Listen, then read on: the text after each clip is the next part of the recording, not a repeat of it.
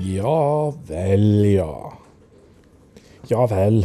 Det er jo en ordentlig uh, Nord-Jæren-hilsen. Sånn som det skal være. Uh, kan bety så mangt, dette ja vel. Så ja vel. Ellers, da. Um, nå er det altså 1. november, og du kan høre at uh, oppvaksmaskinen går i bakgrunnen. Jeg uh, har nettopp uh, Ja, i løpet av den siste timen, iallfall for en times tid siden, så møtte jeg da opp med en tidligere skolekollega.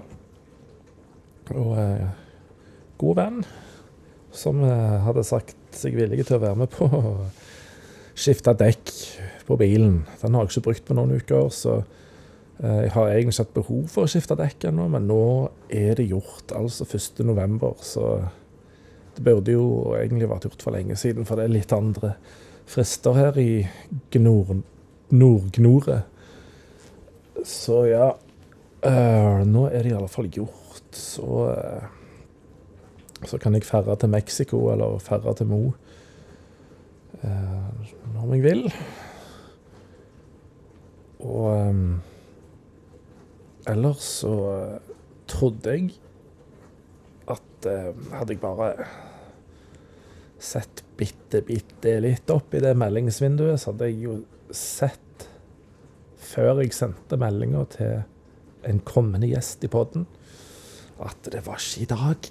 Jeg trodde det var i dag. Så jeg var ikke stressa, men litt sånn Shit, jeg må uh, jeg må um, bli ferdig med dekkskift og alt det der, for jeg må være hjemme til ca. klokka seks. For da skal det være opptak på Discord og det, og så sender jeg melding uten å lese forrige melding.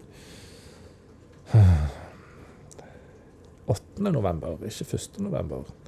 Hatt det i hodet. Så det ble ble jo en litt sånn halv... Oi! Dunk i mikrofonen. Det ble jo litt sånn halvpinlig sans, men OK. Sånt kan skje. Uh, ja. Men det blir iallfall uh, en første gang for alt. Så om ei uke fra nå så uh, forhåpentligvis går det knirkefritt å ta opp pod på Discord og um, fjernopptak. Det blir jo gøy. Altså, fjernopptak. Jeg er jo veldig nært der jeg tar opp. Det er bare den andre som er langt vekke. Men you catch my drift. Du mener hva jeg forstår. Har eh, har vært det sånn jeg, jeg, prøver å legge meg på én episode i uka. Forrige uke var det jo bokprat. Og nå har jeg, for å følge opp det, nå har jeg vært i kontakt med trykkeriet det var gjort en liten glipp fra deres side med oppsummering av bestilling. Og da hadde ikke det kommet eh, De sidene med fargetrykk som skal ha farge. Det tok hun på sin kappe og sørget for at det blir ordna. Så spurte jeg ca. når kan jeg estimere at eh, bøkene er ferdig trykka. Hun er jo dansk, så det blir neste ord en gang. Så, så, da får vi håpe at neste uke så er de faktisk ferdig trykka og på vei lia nordover. Det blir jo fint. Og da starter neste prosess, som er å få de sendt ut.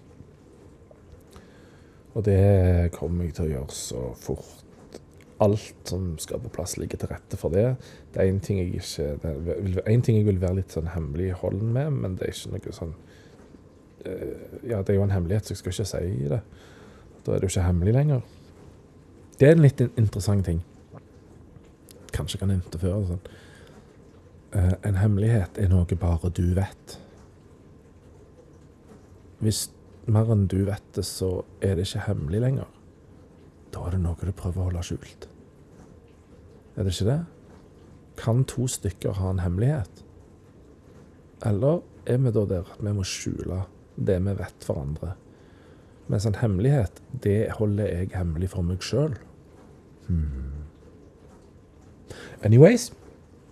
Hemmelig, ja. Det noe jeg ikke uh, verken kan eller vil si, egentlig, uh, som uh, Som gjør at det kan være Ja, trenger ikke nødvendigvis bli en delay på utsending, men det um, Det kan være at jeg ikke sender de innen to dager etter jeg har fått de, men kanskje ei uke etter jeg har fått de.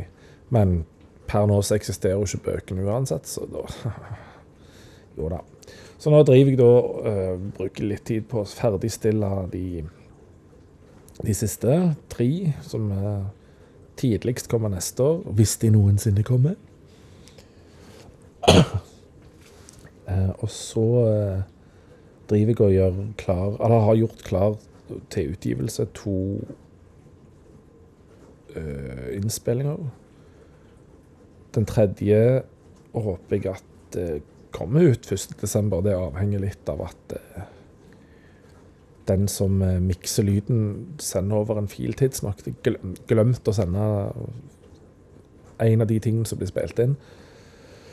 Men det er fort gjort, så lenge jeg får den filen på plass. Så er liksom, så alt fint. Da er det bare til å trykke på publish-knappen eller eh, release, så, så kommer det 1.12. Og det er med soloprosjektet Solitaire. Eller Solitaire Kabal. Og med et veldig gammelt. Det første soloprosjektet jeg starta. Eh, hvis Ketil hører dette Komodo. Komodo. Eller med riktig uttale Komodo. For det er sånn en islandsk eh, D med et slags sånn, en liten stav oppå, så det blir en svak TH-lyd. Det er da navnet på det første soloprosjektet jeg starta. Og alt jeg lagde med det prosjektet, var lagd i trilogier. Tre sanger eller tre spor på hver dings. Sånn en slags sånn EP-greie. Uh, og så har jeg vel lagd fem sånne samlinger. Nå har jeg fått ut uh, nummer to og tre allerede. Og så får jeg nå utenom. Nei, det er ikke sant. Jo. Jo. To og tre har jeg fått ut allerede. Allerede, ja. Uh, allerede. Jeg mener det er to og tre. Og én og fire er de som skal komme nå i november. Nummer én kom uh, 12. Og nummer fire kom uh, den 29., tror jeg. 30. 30. Eh, og det er litt sånn kult, fordi at på den siste så, så er det Den heter impromptu. Improvisasjon. Og det spilte jeg inn for 20 år siden, og faktisk det ene av de nøyaktig på dagen 20 år siden, når, når det kom ut. Så 30. november, 30. november Heter det ikke det? 30. Nei, 30. 30, 30. Ja, 30. faktisk. Ja. 30. november 2003 spilte jeg inn spor to av de tre som kommer ut den 30. november 2023. Uh, så det er ganske gamle ting. De ble spilt inn mellom september 2023 2003 og 24. februar 2004. 2004. Uh, mens den første Der er det mer enn bare piano. Der er det òg litt trommerier. Og det er litt basserier og litt pianerier, og litt vokalerier mye rier.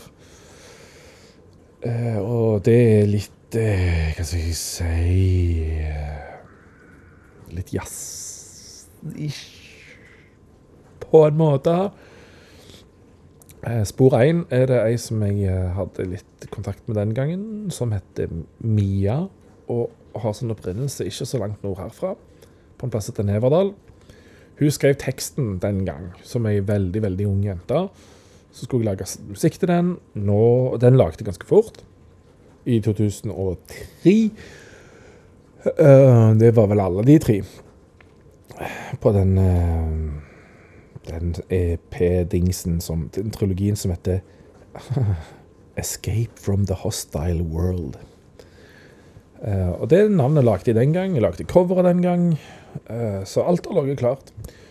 På spor nummer to så var det en uh, venn fra barndom og ungdom som heter Ole Bratli, Ole Kjæran Bratli, som skrev teksten på norvegisk. Eh, men tittelen er arabisk med en, eh, alternativ tittel på norsk. Guden på norsk. Al-Ila. Al-Ihla på ayabisk.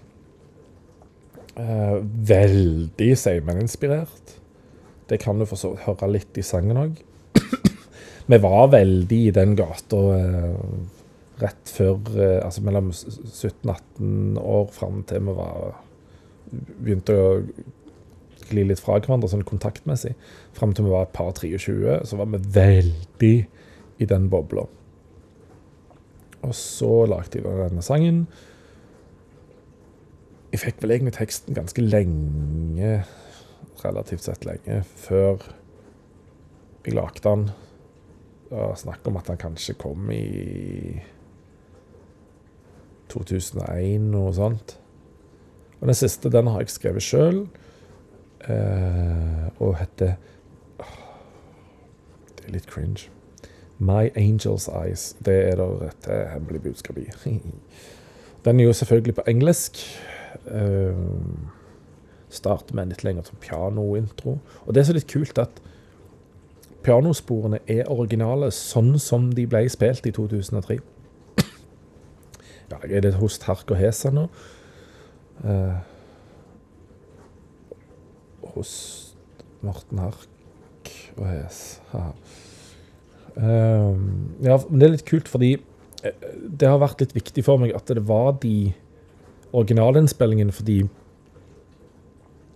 de, de, var så pure og ekte og rene, og stemninga var så fanga i det når jeg den gang spilte de inn. Eller da jeg spilte de inn, den gang da. Så, så er det som et auditivt stemningsbilde og fotografi av det jeg kjente akkurat da. Og det hadde blitt feil å prøve å spille det inn på ny, sånn som jeg gjorde det da, for det er fake. Jeg hadde ikke klart å kopiere og mane fram den følelsen som jeg hadde da. Jeg kunne selvfølgelig transkribert det til midi og fått det på, med et Steinway-flygel med super nice, sweet lyd. Det hadde heller ikke blitt ekte. Uh, og hadde ikke fått helt fram den der Oh, shit. All right, man. Uh, bare litt sånn Litt magevondt der. Haha. Um, jeg hadde ikke fått fram den stemninga, den lydmessige stemninga heller. Ikke bare humør og emosjoner og de. Men òg den lydmessige stemningen hadde ikke kommet fram hvis det var helt sånn super perf lyd på det. Så det, derfor har jeg prøvd å beholde det så ekte som jeg kunne. Uh, oh my god! Ja, det var jo god timing av meg å spille mens oppvaskmaskinen står Ja, den står på. Det var jo dumt av meg, men OK. Det er den dagen i dag. Dommedagen, dummedagen. Og litt hostehakk og Morten Hes ennå. Uh, ja Så Eh, det har jeg jo gjort med de andre òg, som gis ut med dette soloprosjektet Komodo. At jeg, jeg spiller inn så lite som mulig på ny. Men vokalen har jeg faktisk, på de tre låtene der, har jeg gjort på ny. Fordi det var figen faen ikke godt nok. Eh, det som jeg opprinnelig gjorde. Uh, og så har jeg endra spesielt på den uh, sangen, teksten av han Bratli, den sangen der. Den har jeg endra ganske mye fra utgangspunktet. Og jeg er mer Altså, mer Jeg er fornøyd med sånn som det har blitt nå. Så det er nært forestående musikkutgivelse. Så satser jeg på at det blir mer neste år. Uh, og da tror jeg jeg går for å liksom, avvikle det soloprosjektet. Og da Det eneste som gjenstår der, er metal-trilogien. Uh, og da vet jeg Altså, jeg har en trommis som har spilt på alt det jeg har gjort siden 2008-2009, som òg skal spille på dette. Det har han vel for så vidt sagt ja til. Eh, og så gjerne har jeg glemt det, men det har ikke jeg. Superflinke Terje. Eh, Terje Martinussen. Han skal få spille på det. Det blir kult. Ja. Og så Dette er sånn Bare stemningsrapport, denne episoden, for, for liksom, prosjekter som foregår. Uh, kan, kan sikkert si noe om hverdagen ellers òg, sånn ellers, da, liksom. Ehm, den 23. november, som nå er da 22 dager til For det er jo 2.11. i 11. i morgen, som er den gøyeste datoen å si med min dialekt. Annen i 11. Det er i morgen, ja. Eh, og i morgen er det da tre uker til. Eh, jeg skal ferre til Mexico, eh, også kjent som Mo i Rana, og spille på Øppen Sand. Og det er det faktisk eh, mor til en elev jeg har som arranger, arrangerer. Og det er jo kult. Må presse meg litt ut på, den, eh, på, på scener og sånn. Og så hadde jeg jo tenkt i denne perioden her nå, disse siste liksom, å ha den her Instagram-konserten jeg har snakket om, men det hører du jo av stemme og sykdom at det skjer ikke. Og det betyr jo at jeg har ikke fått øvd heller. Så jeg har blitt satt tilbake litt, og det har vært lite bevegelse disse ukene, for jeg måtte, jeg måtte holde meg i ro. Ro, ro til fiskeskjær eller padlelag. Vanskelig å holde seg i padling. Det er bedre å holde seg i ro. OK, det var jo kjempeløye. Sånn anyways. Ellers, da.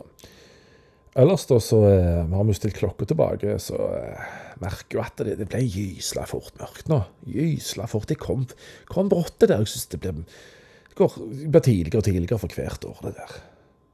Ja, nettopp. Sånn ellers, da. Eh, Da var det vel stemningsrapport ferdig, tror jeg. Iallfall hva gjelder kreative ting. Jeg ser veldig fram til den her neste onsdag med podgjest. Det er alltid gøy. Ser veldig fram til at hosting er over, og nå er det nesten ikke hosting igjen. Sammenligna med for bare et par-tre dager siden. Da var det helt forferdelig. Gøy å være syk, ja. Jeg vil tilbake igjen på hesten med gå tur og jogge litt, eh, trene litt styrke og sånn, så det er fint, det. Og eh, når det gjelder eh, arbeid, så er det jo for så vidt fint. Eh, Blir jo tidvis eh, ramma av dette helvetes imposter-syndromet. Uh, ja Det som jeg tror alle har godt av, som kjenner på det, er egentlig å ikke få sett nødvendigvis ord på at en går rundt og bærer på imposter-syndrom, men å få sette ord på hva en tenker og gjør, uh, hvordan tankegangene er. Egentlig legge fram perspektivet sitt. Uh, og bakgrunnen for at en tenker og velger som en gjør. For da hører en høyt. Derfor er det òg lurt å snakke høyt med seg sjøl, tenke høyt med seg sjøl. Da hører en at det er ganske lurt, dette her. Og hvis du ikke er i stand til å gi deg sjøl motbør, så finner en Gjesp. Det ukjente britiske progbandet Gjesp. Den var dårlig. Oi, der var vi på igjen. Eh, finn gjerne en kollega hvis det er arbeidsrelatert, eller hvis du føler deg som en uh, imposter-venn. Snakk med en venn, da. Og sett ord på dine tanker. Ikke sånn 'Jeg går rundt og bærer på imposter-syndromet'. Eh, men eh, at kanskje vi skulle ha funnet på noe, og gjerne prøve å gjøre det en gang i uka, samme hva tid, men gjerne samme ukedag. Sånn onsdag klokka syv, eksempel, som omtrent er nå, om en halvtime. Hver onsdag klokka syv så kan jo vi sånn og sånn. For da føler en seg ikke som en dårlig venn, f.eks., for eksempel, fordi en har en sparringpartner, og da vet du at du får pleie tid med vennen.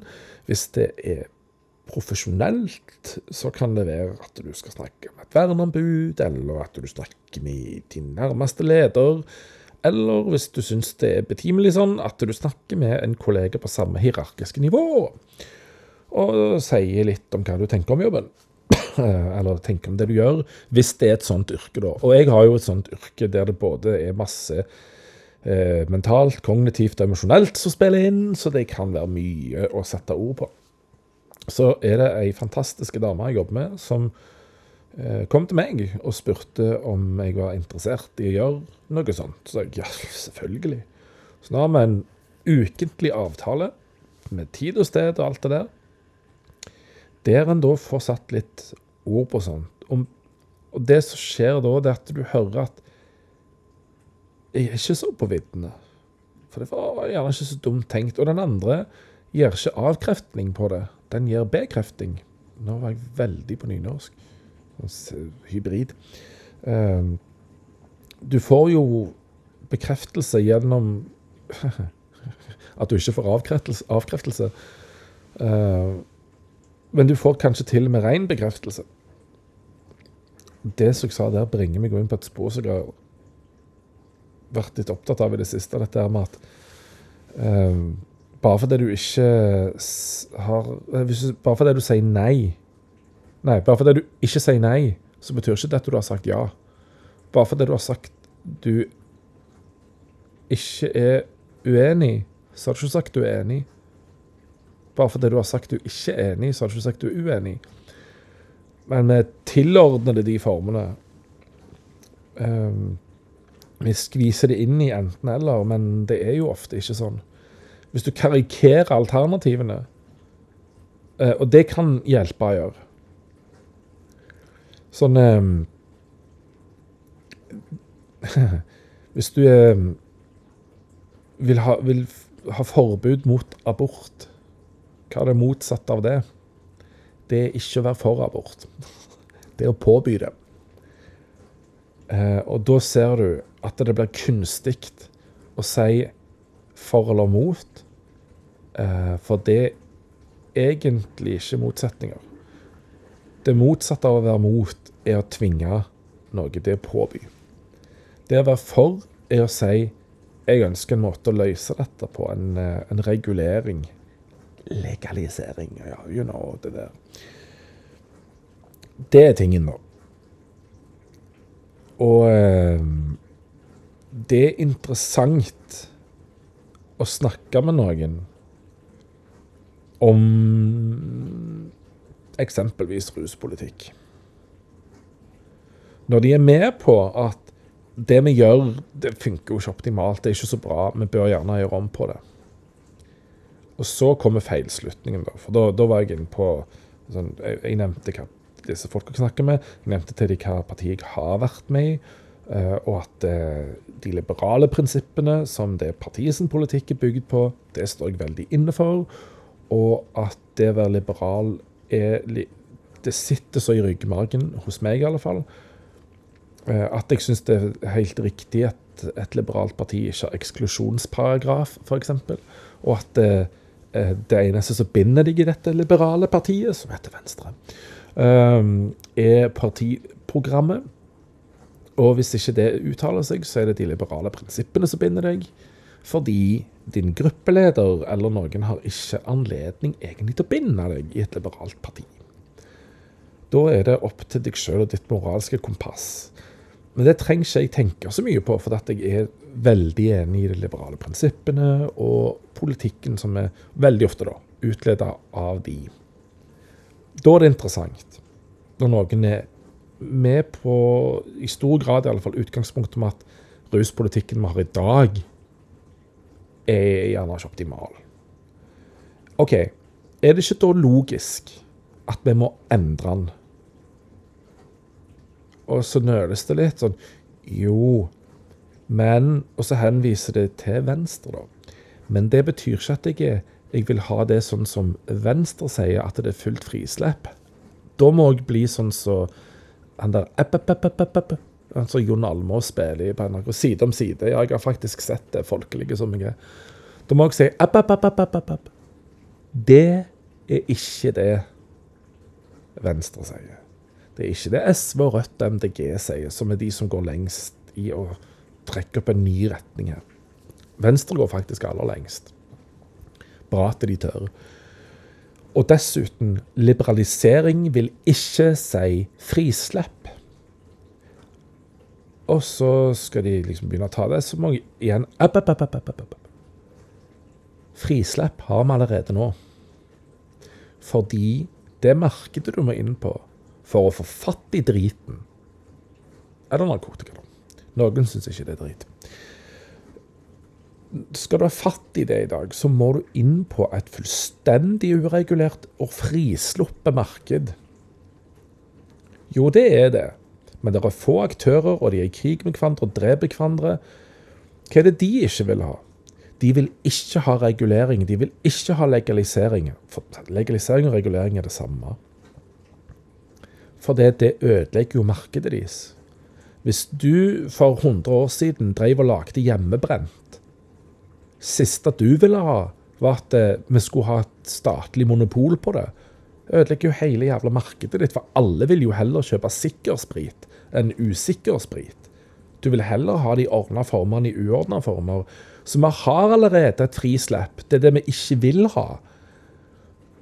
Og frislepp og liberalisering er ikke det samme. For det å gjøre noe Være liberal vil si både å gi moroa og gi ansvaret. Samtidig rettighet og plikt.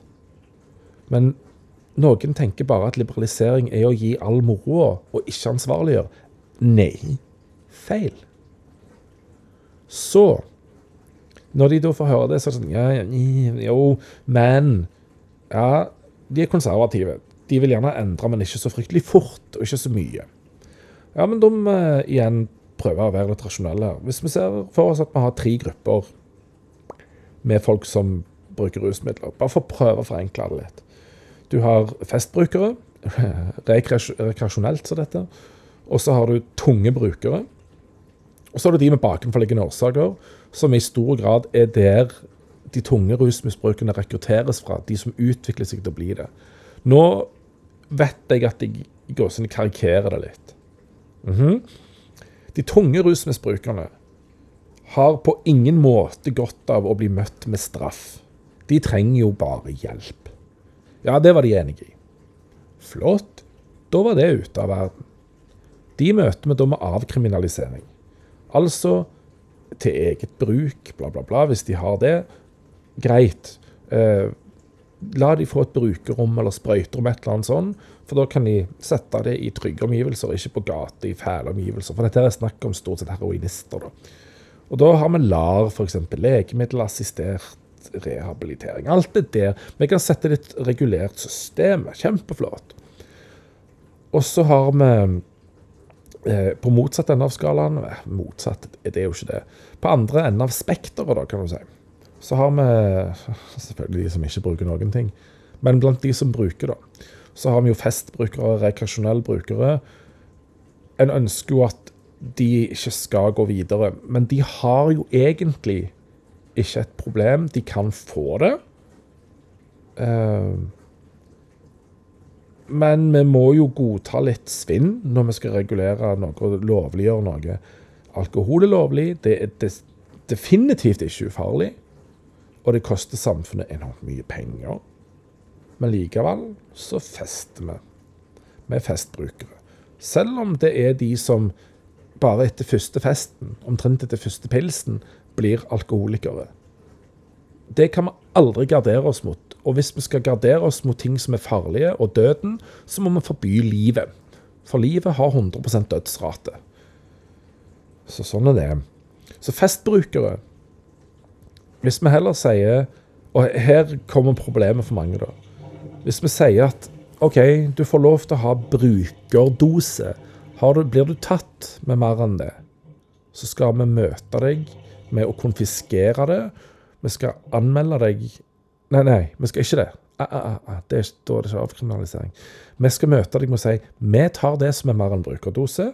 Du får beholde brukerdosen din, resten tar vi. Og så skal du få denne obligatoriske henvisningen til en eh, ruskonsulent, et eller annet sånt, i kommunen du bor i.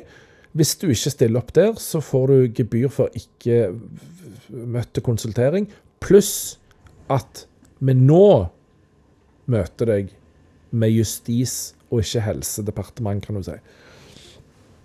OK. Her ligger nok kanskje litt minefeltet. For den siste gruppa, bakenforliggende eller underliggende årsaker, de har jo noe der. Trenger de hjelp, eller trenger de straff? Eh, men oh my god, da. Selvfølgelig trenger de hjelp. La oss hjelpe dem, sånn at de ikke utvikler uh, avhengighet av rusmidler, eller hva enn de bruker for å Eller gambling er òg et rusmiddel, telefonen er òg et rusmiddel. Men sånn at de ikke utvikler et narkotikaproblem, da. Uh, illegale medisiner-problemet.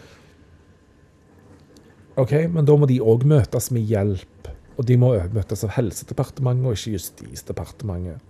Politiet skal møte de med den snille sida, og ikke den strenge sida. Spør, spør, en ungdom på en annen måte, da. Si en 13-åring.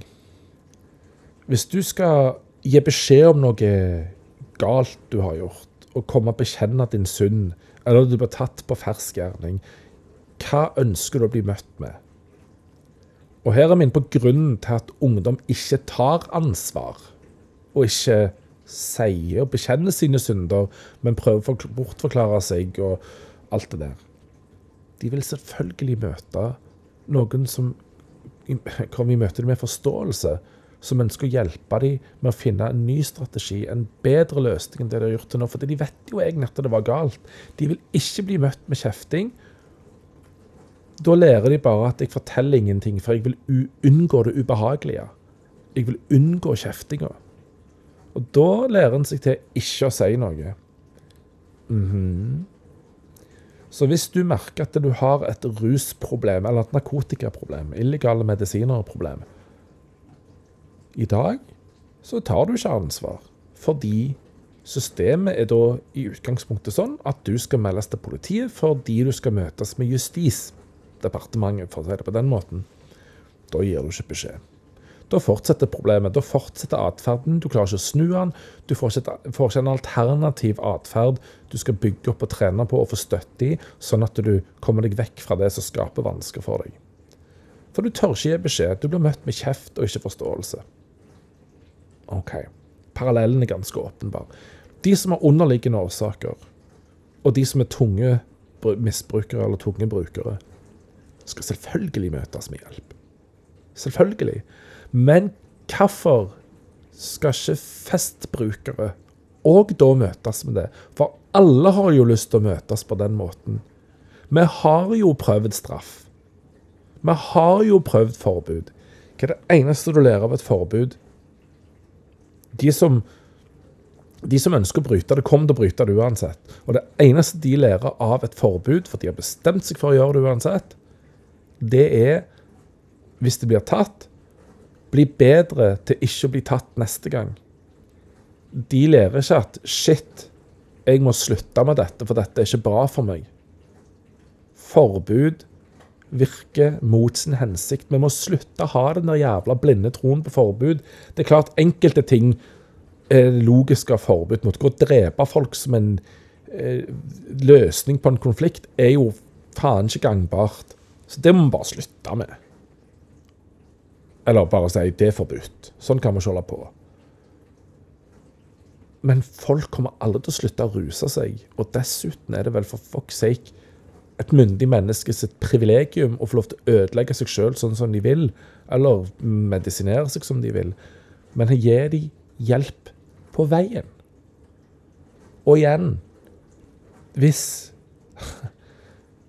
uh, Hvis de skal få gjøre denne her eh, beruselsen på en god måte Ja, når du skal ut og drikke deg dritas i helga har du lyst til å kjøpe det fra en eller annen random dude fra Karmøy nå, som kommer ned i båten sin til Stavanger, eller en eller annen dude fra ei øy på Helgeland som tøffer inn på kaien på øya du bor på, bare 'Er det noe sprit vil du ha?' Nei, jeg vil ikke kjøpe sprit av deg, din dott. Jeg vil gå på polet, jeg. Og her på Lovund så er det jo til og med gratis frakt på polet. Eh, så det er jo gidd, hvis du skal ha sånt noe. Det er klart du vil ha eh, skikkelig vare, Og vi kan regulering allerede. Vi har regulering i dag på alkohol med forskjellige klasser, eh, der vi vet hvor mye alkohol det er i de. Vi har en varedeklarasjon som sier hvor mye av hva som er oppi de. Um, I Tyskland har de til og med Og det, det klinger så dårlig, dette her. I Tyskland har de renhetslover på øl, eh, vel å merke. Det, er det sikkert flere land også, men det bare klinger litt dårlig når det er Tyskland. Um, så vi har egentlig masse, egentlig, vi har masse regler på hvordan vi skal gjøre, masse reguleringer, masse spilleregler som vi følger. Så vi kan faktisk gå inn til et bryggeri og spørre kan vi få sjekke produksjonen deres og ta en stikkprøve. En random stikkprøve. Ja, så gjør vi det og finner ut alt er hunky-dory, alt er good. Ja. Med vin så kan vi dra til en vingård i Frankrike, og så kan vi spørre om vi kan få sjekka den vinen Pierre sitter og tråkker med bare tær i, i eh, druene på og få sjekka liksom, prosessen og se at alt går for seg. Alt riktig, riktig, alt er fint her. Alt er sånn som det skal være. Det er den prosenten det skal ha, det inneholder de ingrediensene skal ha. Alt er riktig. Sammen med whisky og gin og alt det der. Supert. Og i Norge sier vi over 60% Nei, det vil vi ikke ha. Over det så går det faktisk som legemiddel, altså et illegalt legemiddel, som kun skal brukes i høyst regulerte former over 60 Så Det betyr at har du noe på 61% så defineres det faktisk som i gåsene, narkotika. Det går på narkotikalista. Eh, og, ja, det er sikkert et gammelt faktum som har fått noen nyanseringer nå, men vi setter iallfall ei grense der. Lovlig alkohol opp til og med 60% Over det er ikke lov. OK. Hvorfor kan ikke vi gjøre det med narkotiske stoffer, da? Sånn at vi kan dra til den gården der de dyrker dette bladet som vi tørker. Eh, og så kan vi si at skal dette selges i Norge, så skal det ikke være mer enn så mange prosent THC og, og minst så mye CBD i det. THC er jo det som skaper den trippy-greia, der du kan, det kan virke angstframkallende, bl.a. Mens CBD har litt motsatt virkning. Kan være beroligende, smertestillende og angstdempende. Så alt det du vil ha, ligger CBD-en, og alt det som en gjerne tenker det kan vi kanskje begrense, ligger THC-en. For å si det på en jævlig enkel og karikert måte. Jeg vet er mange som kan være meg om dette, men det er bare for å få fram et poeng. Poenget er Vi kan si i Norge vi skal ikke ha THC høyere enn 4 og da blir CBD-en deretter. Eller minst 40% innhold av CBD, eller minst 90% innhold av CBD. Supert! Da, da har vi jo regulert det. Og, og vi skal òg kunne komme på tilfeldige sjekker hos de som produserer det. Så sier de ja, selvfølgelig. De er jo interessert i det. De tjener jo penger på dette. De vil fortsette å tjene penger på det. Så de tjener jo på å være åpne, da. Kom og sjekk. Hvis ikke, så får de ikke løyve til å selge her. Da kan de bare legge ned. Det går an å gjøre med ulike syrer. Det går an å gjøre det med alle slags ulike stoff. Hvor skal du selge det? Kommer helt an på hva stoff det er. Noe skal gjerne ikke selges over disk.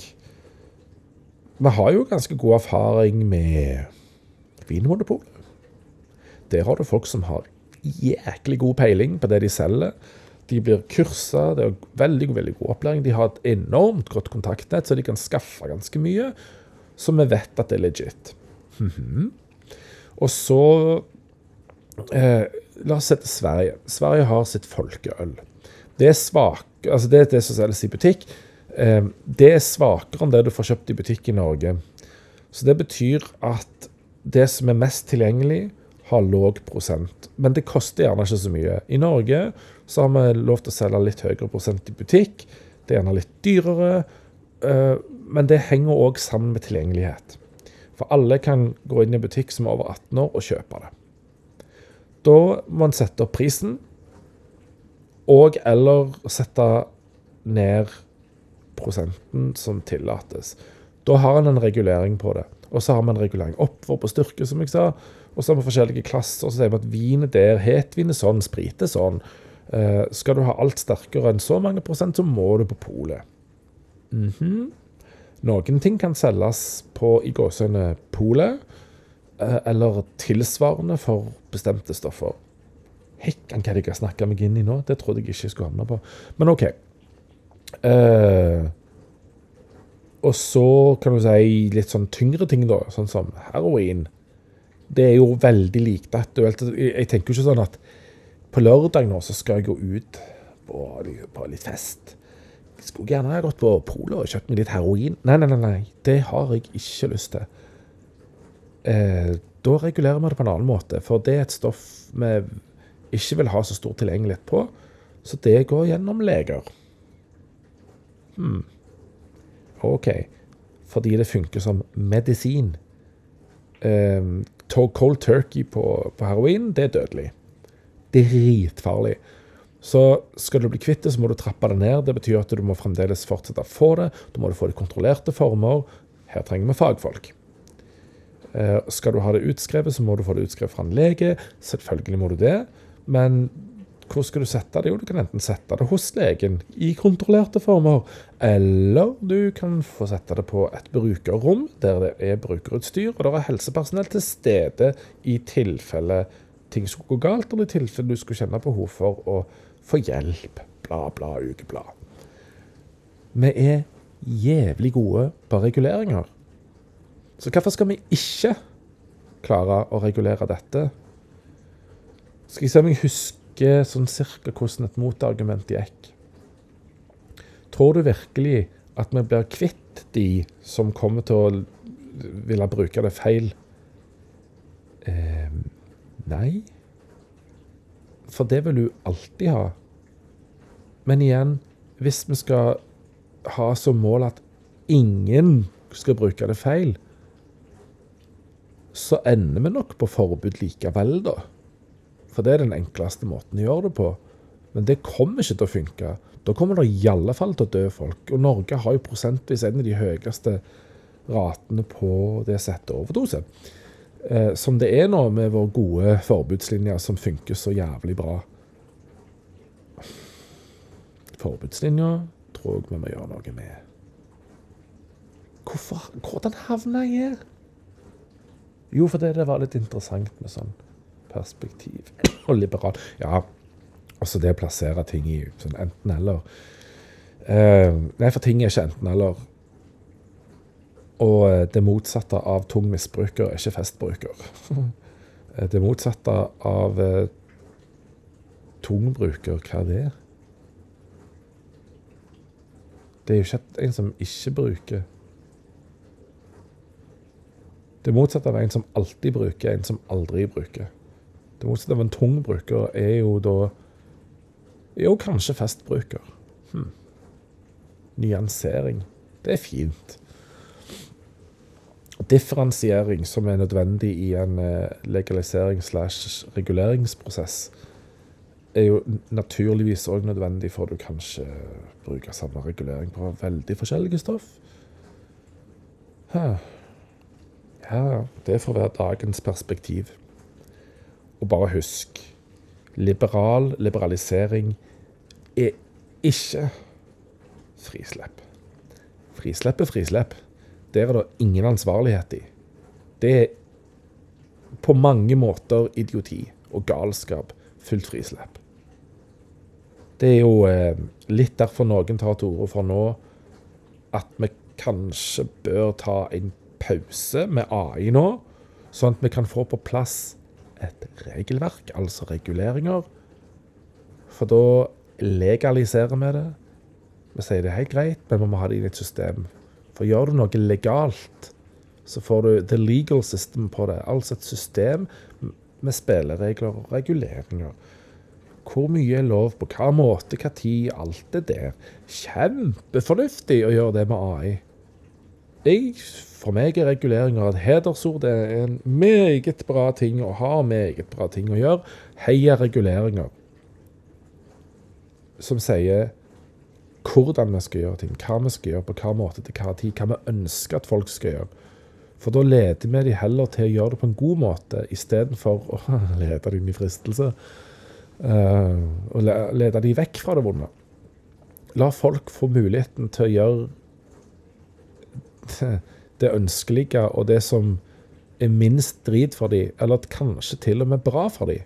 For folk ønsker stort sett å gjøre godt mot hverandre, godt mot seg sjøl spesielt. Og ja, det er flott, det. Jeg aner ikke hvorfor det ble sånn som dette, denne episoden. Men det var egentlig litt fint, for det begynte litt sånn nedpå og halvengasjert. Knapt nok halvengasjert. Det var sånn ja, ja, stemningsrapport. Bare babling om meg. Øh, jeg vil jo helst ikke gjøre det. Uh, ja er vel ikke så mye mer å si enn at uh, oppvasken går sin gang. Sånn går nå i dag, Og ellers, da? Nei, ellers, da? Hva da, ellers, da? Nei, det skjer ikke så mye. Halloween er heldigvis overstått. Jeg satt jo på Makerspace hele kvelden og holdt på med den ene bøken og halvannen. Nei, det var vel én bøk jeg holdt på med. Så de som har banket på hos meg, de har eh, fått null respons. Og jeg var utkledd som hverdagshelt, sånn som jeg alltid er. Hver dag. ja Ja, det er jo snart det der høytidsgreiene. Kanskje jeg skal gjøre en episode om det. En episode om jål, siden jeg er så jålete. En jålebukk. Julebukk. Gøy. Julen er julete, jålete. Snart er det jål. Ja, OK. Sånn går det når jeg sitter og snakker med meg sjøl. Nei, jeg håper du har uh, og får en uh, Samme hva dag du hører det på, og hva tid på døgnet. Ha et fint døgn. Ha et fint liv og ei fin hofte. Og en fin livvidde.